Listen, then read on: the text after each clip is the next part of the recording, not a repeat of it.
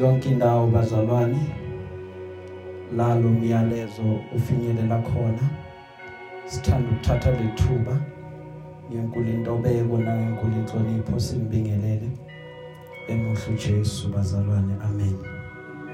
Njengoba sazi ukuthi eh, ezweni lethu kushiwo ukuthi sihlala emakhaya eh inkonzo vele bazalwane thina sihlala siyibamba ngapha.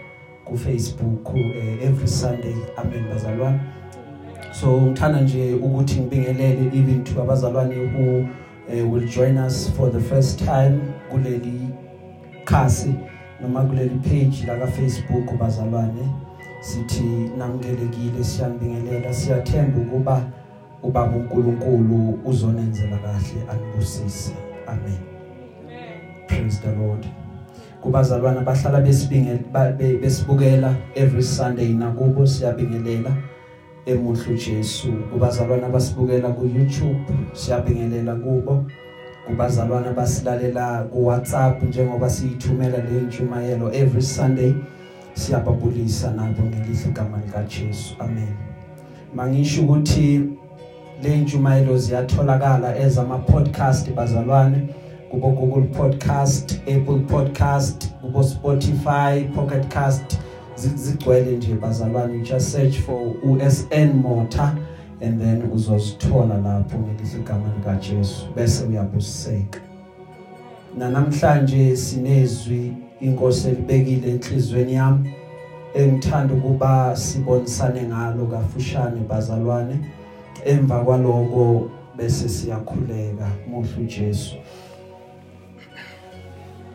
Isihloko sethu sanamhlanje sithi God will see us through. Hallelujah. Ake sithi God will see us through. Ngempela uJehova uzosidlulisa. Sisesikhathini la kwenzeka izinto esingakaze sazibona. Izinto ezenzakala ezenzeka kulesi sikhathi they are very fast paced very painful. Hallelujah.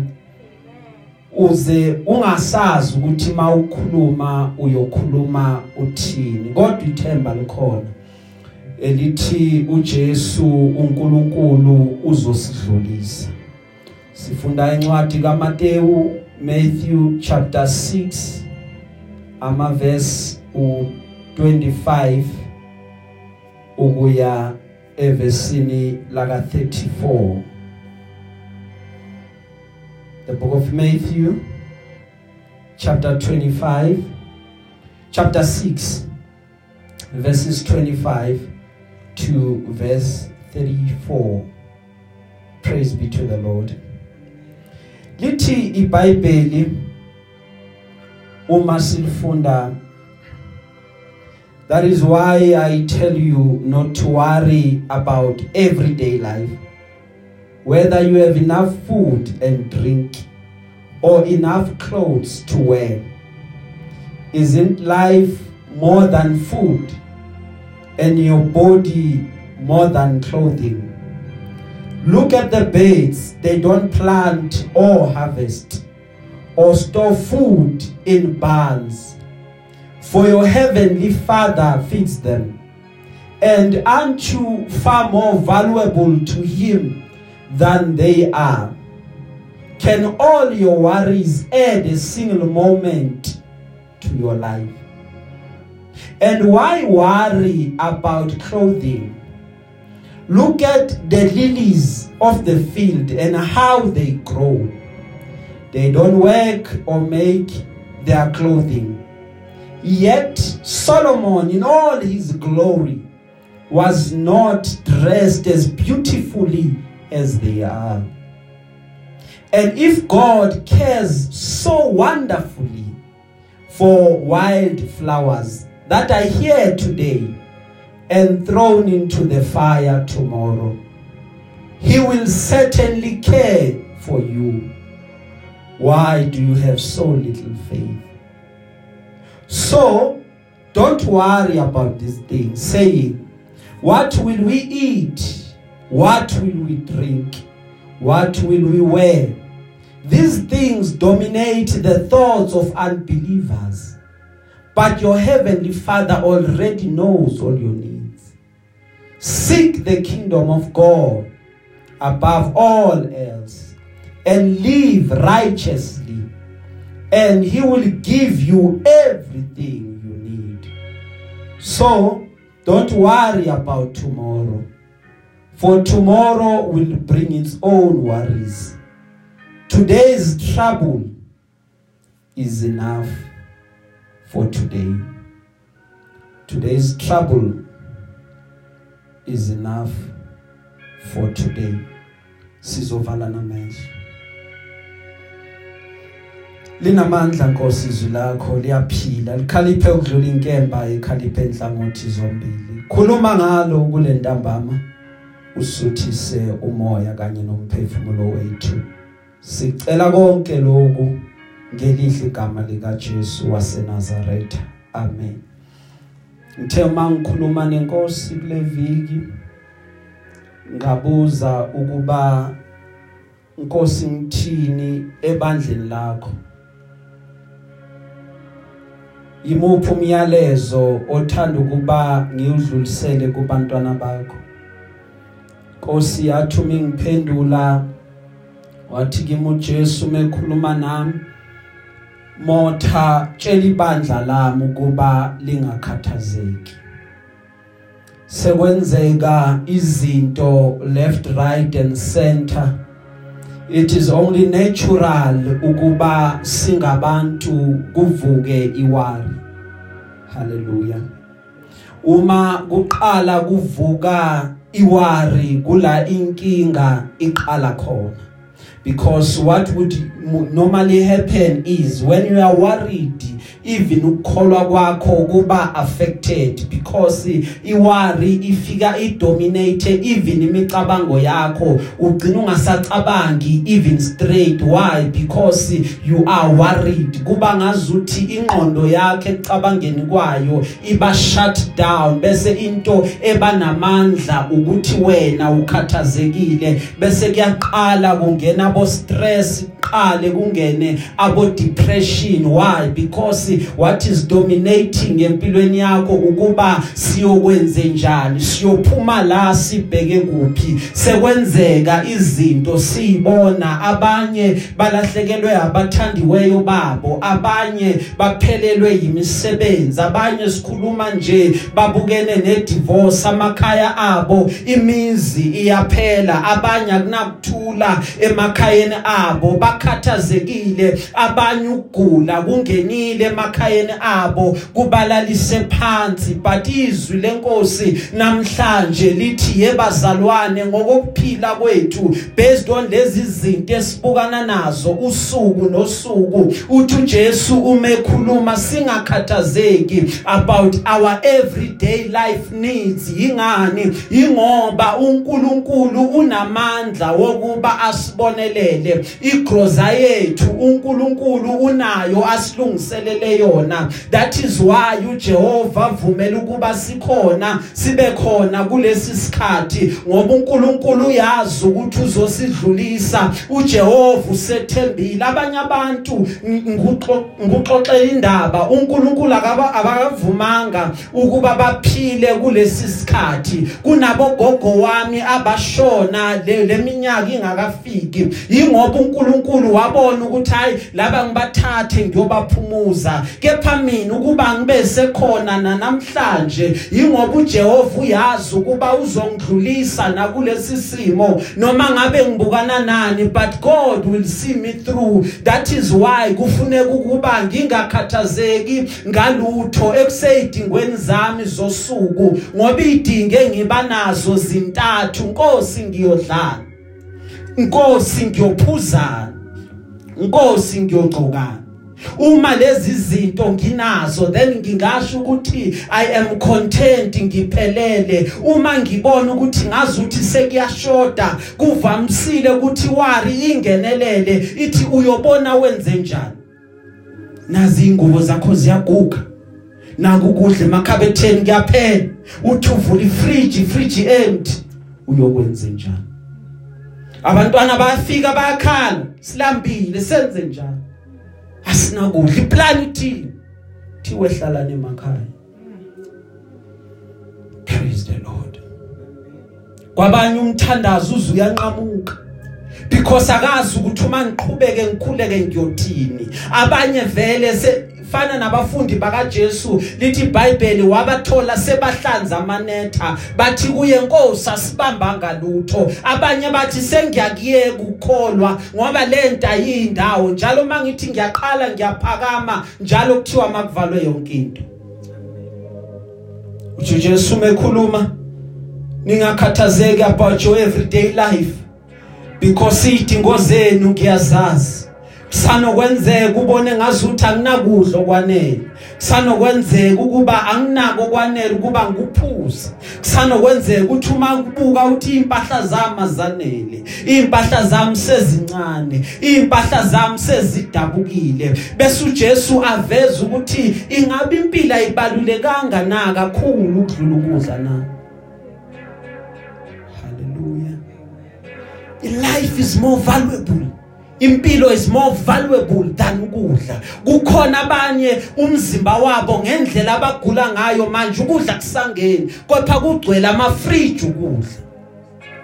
That is why every day uma sivukile sithi baba siyabonga ukuba sisaphila because inkosi sethembile ukuthi wena uzoyenza indlela yokuba singalali simakade singadlanga ngoba iwari iyenza ukuba ungasamboni uNkulunkulu. Iwari yenza ukuba nokumethemba kwakho kunciphe. Ngobani? Because of these needs. Umzimba wakho is more valuable than ingubo uma unomzimba that means a lot. Praise the lord. Athi uJesu bukani inyoni zezulu. Inyoni zezulu ayitshali azilimi inyoni zezulu ayivaleli ukudla enqolobaneni azithi sibekele ikusasa. But uNkulunkulu ebuNkulunkulwini bakhe uyazazi ukuthi uma zivukile zahlabelela zathi bayede simakade. Uma ivukile zacula ngamaphimbo azo. uJehova ubesazinikeza iprovision. Athi namhlanje nizolala nidlile namhlanje angenilale ningadlanga. Ngoba nginguNkulunkulu okwazi ukubonelela noma ungathi akukho mina Nkosi engikubekile kulesi simo engidlula kuso but God will see you through. Okwakho nje ukuba umethembe ngoba to God you are more valuable than inyoni zezulu ngoba ukukhathazeka kwakho it doesn't add even an hour empilweni yakho. Khathazeka kwakho what does it get you? It doesn't make anything better. Instead it makes izinto zibe worse. Because kokunye uma ukhathazekile ugcina uthuka. Kokunye uma ukhathazekile ungashayeka phansi ngoba you are worried. Athi uJesu why ngikhathazeke ngeingubo because ingubo has come to define status sethu. Ngingubani mina? Ngoba fanele ngibonakala ukuthi ngingubani ngoba ngigqoka kahle. Bathi lo yamuntu ugqoka kahle bese lento ivusa ipressure even kwabanye abantu ukuthi ya, ya noma ugqoka angeke ufike kuloya. Bese nami ngithi hayi nami fanele ngibonakala egqokeni kwami. Athi uJesu wani khathazeke ngengubo. Ngoba uma nibuka amabloom wasendle nibuka indlela okhula ngayo. Awasebenza amabloom awathunga amabloom but uNkulunkulu uwagqokisile. Uma ungabuka ubuhle obusemablomini uzomangala ukuthi wow waze waba mahle. Bese lithi iBhayibheli even no Solomon enkazimulweni yakhe akazange agqoke abe muhle njengamablomo kangakanani ngoba uNkulunkulu uyawanakekela? Kangakanani wena ungumntanakhe? Kunotshani? Utshani bazalwane uNkulunkulu ubugqokisile ubugqokise ngenkazimulo yakhe. Namhlanje kukhona. Kusasa bukho bese lithi iBhayibheli buyathathwa buphonselwe emlilweni. Kangakanani ukuthi uJehova ngeke aze angqokise nini? Ningakhathazeki ngalutho yebazalwane bengizosho lokho suku lwanamhlanje ukuthi do not worry because uNkulunkulu will see us through. Asiboneni uNkulunkulu noma izimo zinjani noma izimo seyiguquke kangakanani zaphenduka kwabanjani zabazibi kangakanani. Let us see God and let our faith not to be affected by anything. Ningakhathazeki ngokuba niyodlani ningakhathazeki ngokuba niyophuzani.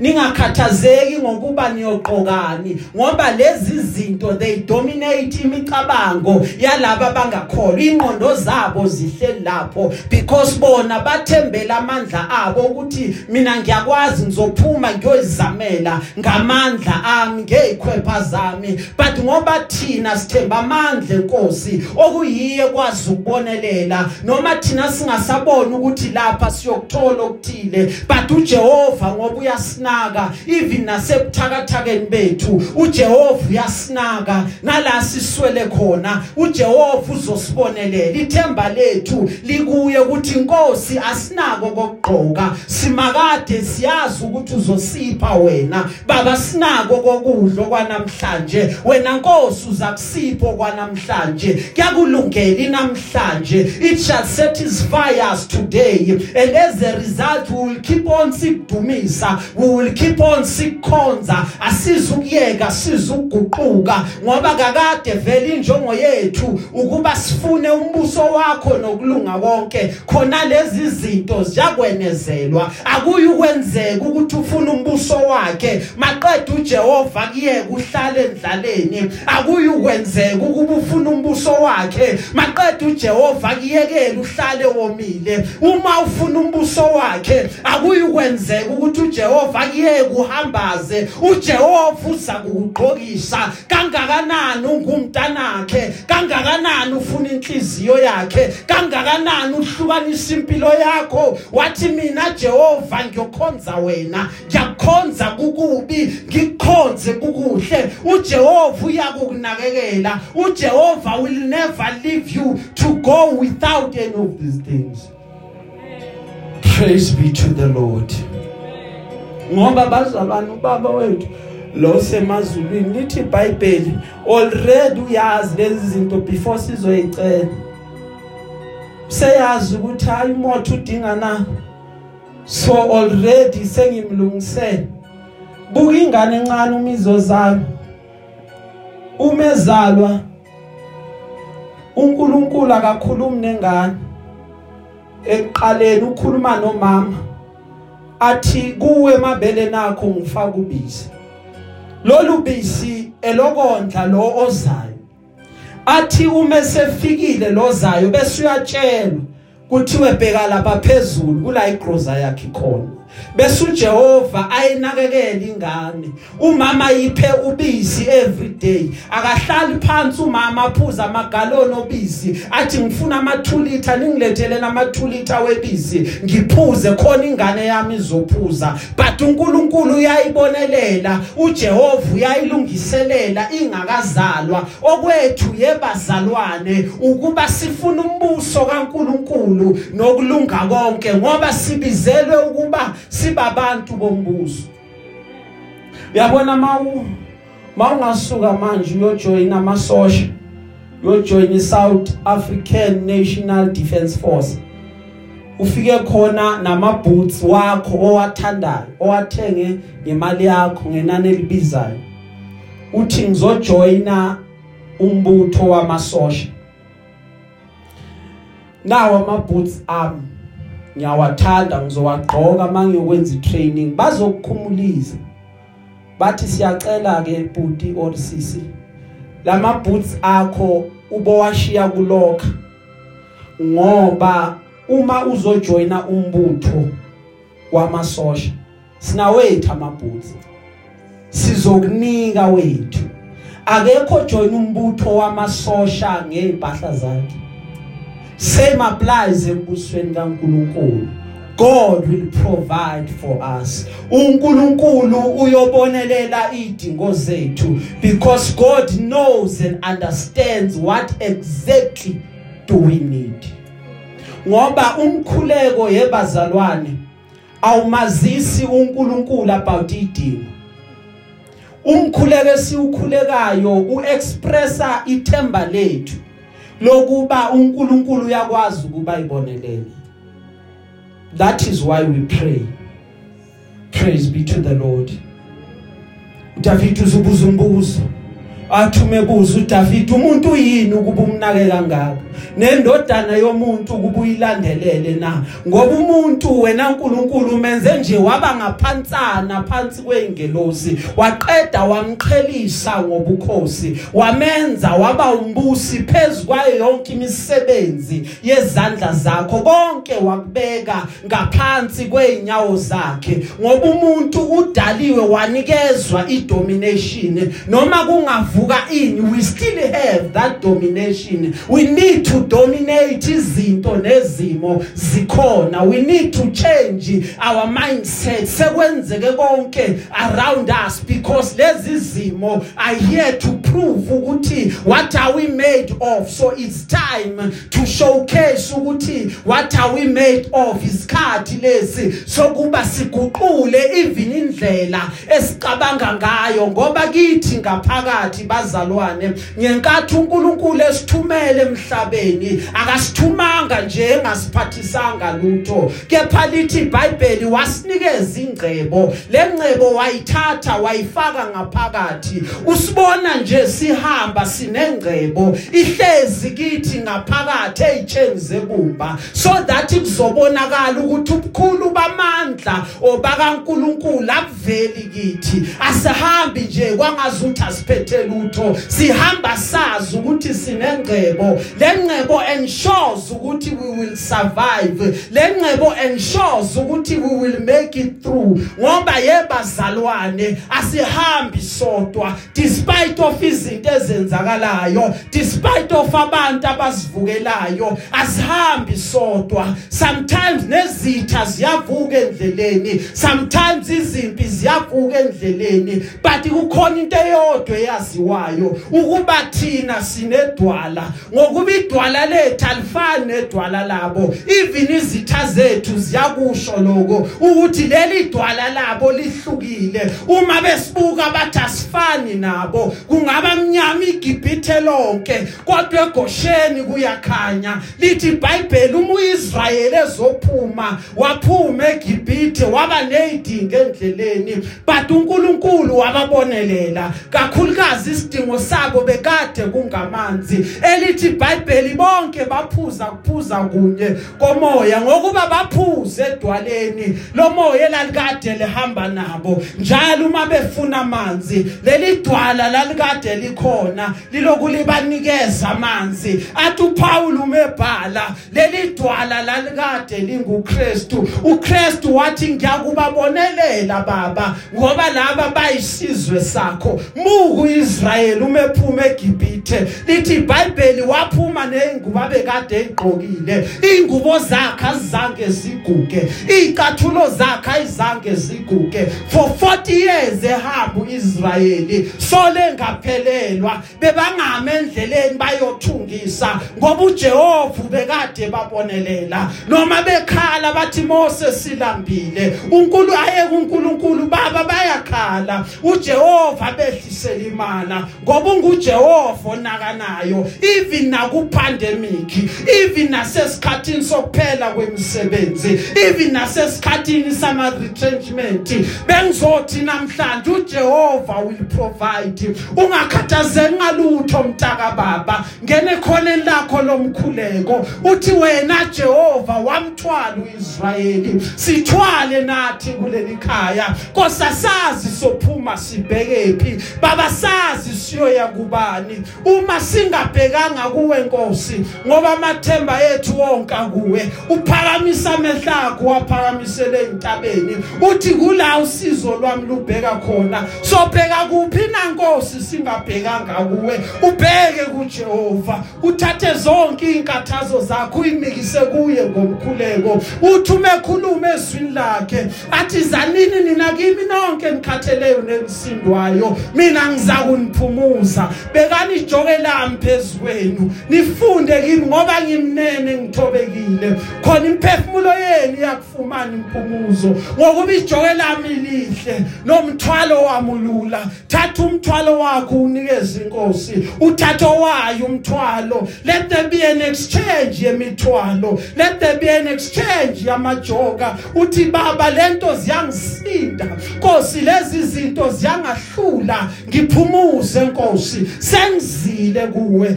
ngoba ushile ezwini lakhe. Wathi ungesabi ngokuba mina nginawe. Ungaphela amandla ngokuba mina ngiuNkulunkulu wakho. Ngiyakuqinisa futhi ngiyakusiza. Yebo ngiyakusekela ngesandla sokunene kwami. Yonke indawo la uhamba khona uJehova uyakuthwala. Ngifuna uhambe naloko uhambe wazi ukuthi usimakade uyongena nawe noma ungena kuphi.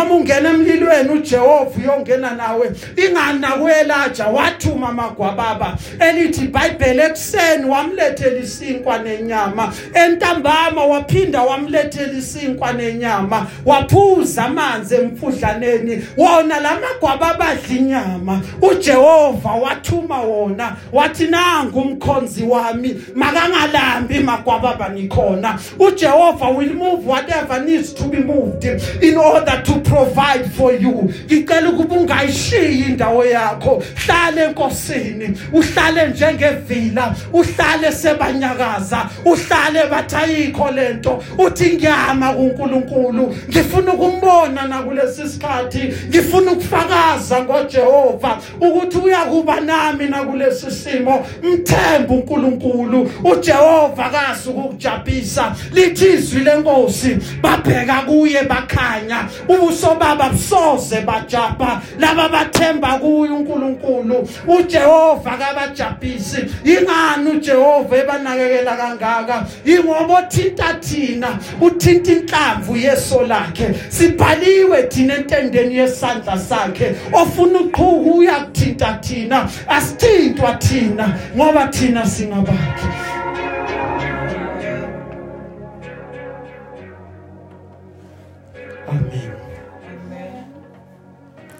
Sesiyemakethe bazalwane.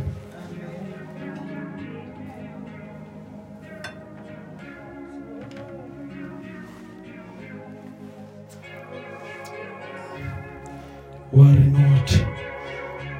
uNkulunkulu uyakuba nawe. Jehova khona nakulesi sikhathi Nkosi yakukudlulisa ima kuloko. Uthi ubhala kahle. Worrying is like a rocking chair. Nalesitulo lesi eh asinamavili. Mara la ngaphansi asikho flat. Kuba ngazi ukuthi si roundish simile nje mawuhleli kuso sikwenza kanje mara sikunikisa indawo. Uthi lo bhalayo worrying is like a rocking chair. It gives you something to do but it gets you nowhere. So ukhathazeka kumikisa ndawo that is why ngizothi kuwe namhlanje ungakhathazeki. Kunezinto ezenzakalayo because zimisela ukuba zenzeke empilweni. Athobhala incwadi yezaka njenge dice siyaliphonsa idice. Kodwa inkosi edeterminayo ukuthi dice liwa kanjani? Akuthini esideterminayo? But inkosi that determines ama wins ethu. Sekwenzeka konke bazalwane. Sinegama. Leli gama lingaphezulu kwawonke amanye amagama. Leli gama abantu basinda ngalo leli gama kuthi uma kuvuka izimpi. Abantu bagijimele kulo leli gama. Lithi iBhayibheli igama lika Jehova lingumbhoshongo namandla. Olungileyo ugijimela kulo.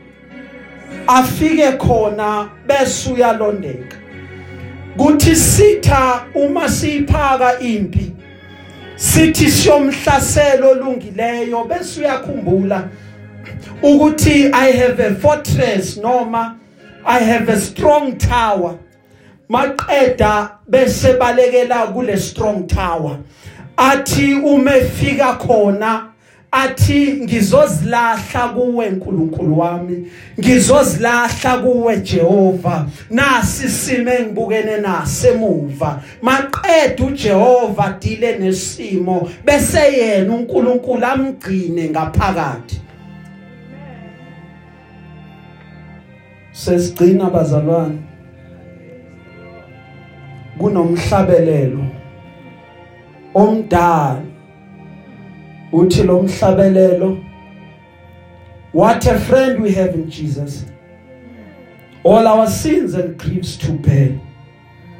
What a privilege to carry everything to God in prayer. Oh what peace we often forfeit. Oh what needless pain we bear. All because we do not carry everything to God in prayer. Have we trials and temptations? Is there trouble anywhere? We should never be discouraged. Take it to the Lord in prayer. Can we find a friend so faithful who will all our sorrows share? Jesus knows our every weakness. Just take it to the Lord in prayer. Take it to the Lord in prayer. Gcina ngokuthi omunye wesifazane waya kumamakhe. Befika kumama wathi mama ngineyinkinga. Angazi ngenze njani. Sengicabanga ngeke lithawu ukuphonse lithawu. mama wathi kuye woze ekhishini mntanami mabefike ekhishini wathatha izitshe ezintathu 3 wafaka kulesi ama iqanda wafaka kulesi carrot wafaka kulesi ikhofi waqeda wabilisa amanzi wathela amanzi abilayo wathela amanzi abilayo wathela amanzi abilayo. Walinda isikhashana. Waqeda wathi faka isandla ukhiphe icarrot uma faka isandla khipha icarrot wathi linjani? Wathi hey mama selithambile wathi faka isandla ukhipha iqanda. Iqanda linjani? Wathi hey mama lesheli saqinile. Wathi iphule. Wayiphula. Uma eqeda ukuyiphula wabona ukuthi la ngaphakathi ngathi lithambile ngoba amaqanda lawa athambile aboyiliwe angithi athambile la ngaphakathi ayadleka. Amen. And then wathi ikhofi nani? Wathi ngoba ikhofi linjena akuliphuze linjani? Wathe ikhofi limnandi because lithe uma lifike emanzini la release iaroma emnandi la chintsha amanzi. Wabese wathi mama ngiqonda ukuthi yini into zama ukuyisho kimi. Wathi mntanami njengoba siphila engifuna ukukusho kuwe ukuthi ziningi izimo ziyavuka kodwa njenganazi izinto ezintathu ngifuna ukwazi ukuba wena uyihlobo luni lwaloku kudla engikubeke phambi kwakho. Ingabe wena ufana necarrot elingena ezimeni ngokuyithemba elingene ezimeni liqinile kodwa ngenxa yokuthi amanzi aseyashisa maqeda bese liyathamba liyagive up lithi ayikho lento ngiyayiyekelela yini? Ingabe mntanami ufana neqa iqanda elingena vele isheli yakhona is fragile ingaphuka. Kodwa ngokuhamba kwesikhathi li developer i resilience maqeda bese liyaqina kodwa still ngaphakathi uma usuluphulile isheli yakhona iqanda phakathi kwesheli libonisa ukuthi inhliziyo seyiqiniswe yizimo. Inhliziyo seyenziwe yaba lukhuni. Noma ingabe ufana nekhofi na?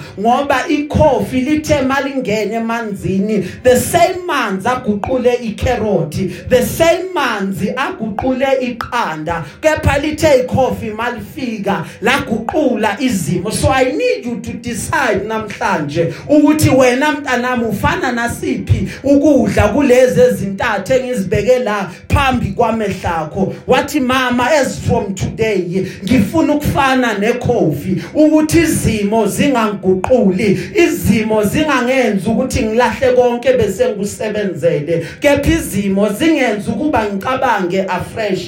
Kepha izimo zingitransforme bese nami ngiyayiguqula izimo. Ngoba kakade vele into eyosimisa yebazalwane ukuba siqhubeke noma izimo sesibo sesibona ukuba ziphambana nathi noma sesibona ukuthi izinto ayihambi ngendlela esasicabange ukuba ziyohamba ngakhona. Sibuyele enkosini siyocela ubuhlakani Jehova sipho ubuhlakani sasicabanga ukuthi le yandlela iyolunga but we have discovered ukuthi le yandlela Jehova ivaliwe. Jehova enable us to start afresh. Jehova enable us to keep going because sisasekhona la it means ukuthi indaba yethu ayikakapheli. Ngakhathazeki ngalutho. God will see us through. Cela ukugcina la osukwini lwanamhlanje. Sizovala namehlo bese kuyakhuleka. Baba siyabonga. Izwi lakho liyaphila. Izwi lakho lingamandla endleleni yethu. Sikunikeza udumo. Jehova sibonga indlela okhulume kahle ngani. Siyacela ke Nkosi yiba nathi emakhayeni ethu benathi emsebenzini esiyenza. Usilonde usigcine. Usivikele baba usibusise. Nalabo nkosi abalahlekelwe imisebenzi provide for them. Open new doors for them. Ngegama lika Jesu waseNazaretha bangasweli lutho. Babizwe lethu sikhulekela ukuthula. Sikhulekela bonke abasiphethe. Let there be peace on every corner. Let there be peace on every aisle. Eindaweni ngokwahlukahlukana. Ngegama lika Jesu waseNazaretha. Everyone who is no in authority we pray ukuthi enze inkosi okufanele. Khona siyohlala ngokuthula. Ube nabazalwane bonke endaweni zonke. Nalo besekathi uya give up Nkosi. Mbuyise Jehova ngesineke. Ngegama lika Jesu waseNazaretha. Baba sikhulekela amandla amasha. Kwamanye amakhaya Nkosi akunakuthula. Let the peace of Christ reign nakulawo makhaya. Ngegama lika Jesu waseNazaretha. Unakekele zonke idingo zethu. For you are enable God awuhluleki wena. Sikunikeza udumo Nkosi. Kwenzekile siyakholwa mana njalo ke Nkosi. Busisa wonke umuntu ozolalela lo myalezo. Kuphi nakuphi la ekhona. Ngegama lika Jesu waseNazaretha umenzele kahle yena nomndeni wakhe. Sicela konke lokhu ngokukholwa egameni lika Jesu waseNazaretha amen.